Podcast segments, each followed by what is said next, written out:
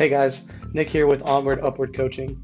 Today I want to talk about using the whiteboard and creating a little interclass competition to help you attain long-term success and gains across the board in your day-to-day CrossFit activities. Um, so a lot of people know that a big component of CrossFit and a way that we see a lot of success is by we write we write down the workout and the intentions for each class, warm up, workout, cool down, all that stuff. We write that on a big whiteboard in most gyms and we gather everybody around and an instructor will take you through that and explain what exactly it is that we're trying to do every single day. Uh, what comes with that is we write everyone's scores for each workout on the board with that, we create a little bit of accountability, but what also kind of is created with that is a lot of competition. And there are ways to utilize this competition that can be a huge benefit, and then there are also many ways that it can somewhat be a detriment. So I kind of want to talk about some of the pros and cons of that and how we can just make sure that we're creating an environment that allows everyone to grow. Um, so the first thing is going to be making sure that while we do read that whiteboard and we do take other people's scores into account, um, we're not comparing ourselves to others. When we do that, we tend to lead ourselves to feelings of failure or not meeting standards if we don't perform the way we think we should because someone else did this and you may not have beat them on that day.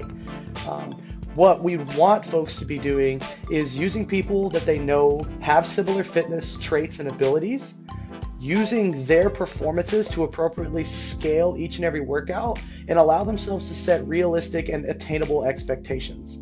So, example being, if we have a workout that has handstand push-ups in it, we don't want people, you know, finishing a workout and saying, "Oh, well, I didn't beat Ashley on that workout, so I obviously had a trash workout. I didn't work hard." You probably did. She just might be a little bit better at handstand push-ups, or you just might have had a rough day. Instead, the other way that we would position that in the front end of class is you see what Ashley got, you know that she has similar fitness, and you need to check and see what type of scaling she did. Did she do all of the prescribed reps? Did she cut them down a little bit? Did what she used for that workout, her rep scheme, does that make sense to you? If the workout calls for 21 15 9 handstand push ups and she did 15 12 9, but you're looking at that and knowing that your biggest set of handstand push ups is four, understanding that her rep scheme may not be appropriate for you, but even she, who is better at handstand push-ups than you, scaled that workout. So you can use that as an opportunity to set yourself a realistic goal for how many reps you want to perform in that workout. So if Ashley is way better than you at handstand push-ups. Say she's got an unbroken set of 10, your unbroken set's only four, and yet she still took that 21 15 9 workout down to 15 12 9. Well, maybe that tells you that you should attempt to do maybe 9 6 3. It's going to allow you to do some reps, practice that skill, but you're not going to get stuck on that and hate yourself the entire time you're doing that workout. So that's one example of using the whiteboard to give yourself a plan and set realistic goals and expectations, but not necessarily comparing yourself to someone else. Um, the other thing we kind of can talk about here is racing in class, but continuing to run your own race. So we'll kind of come back to this handstand push-up workout again. Uh, we did just do a class workout with handstand push-ups, so that's why that keeps coming up. Um, racing is important because it's going to allow you to push yourself within that small class environment. If the person next to you is working really hard, you're going to be very likely to work hard as well. So I want you to think of that concept and listen to the words I said. They are working hard and you are working hard too, regardless of if they're ahead of you in the workout or you're ahead of them in the workout. If everyone is working hard, that's what we want. Effort is what gets us these changes and it breeds these improvements. Um, so you can use this racing to kind of keep yourself accountable in a workout. If you put a bar down and you put your hands on your knees for 20 seconds, but your person next to you that you're, you know, trying to either keep up with or just make sure that you stay, you know, within range or whatever it is, if they are not taking these big, huge rest breaks, means that they're probably just working a little bit harder than you. They're not allowing themselves to succumb to the feelings of discomfort um, even if they're using less weight or doing a you know a more modified scale of whatever you're doing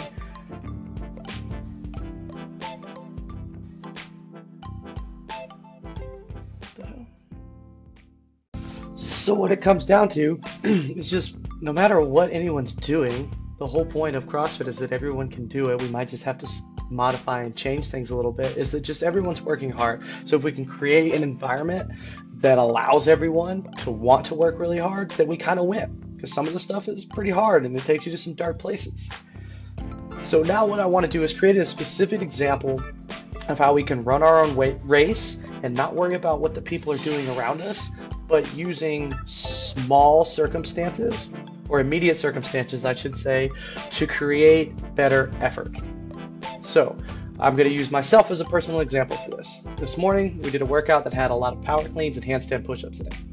Uh, there's a handful of us coaches in there, so when we're all in class together, it gets pretty competitive. We all want to work really hard, but the biggest thing is that we can't slack off because we're in front of the people that we're teaching and helping every single day. So if we don't work hard, how can we expect our own population to do the same? Anyway, so we're in this workout. It's got handstand push-ups and power cleans in it, something that we all enjoy. So Coach Doug takes off. He's super fast. He gets way out in front of me. Normally, it would be very easy for me to get behind early in a workout and then just kind of phone it in and say, well, I'll get it done, but I'm obviously not going to catch him. I'm not going to beat him. He's got me today.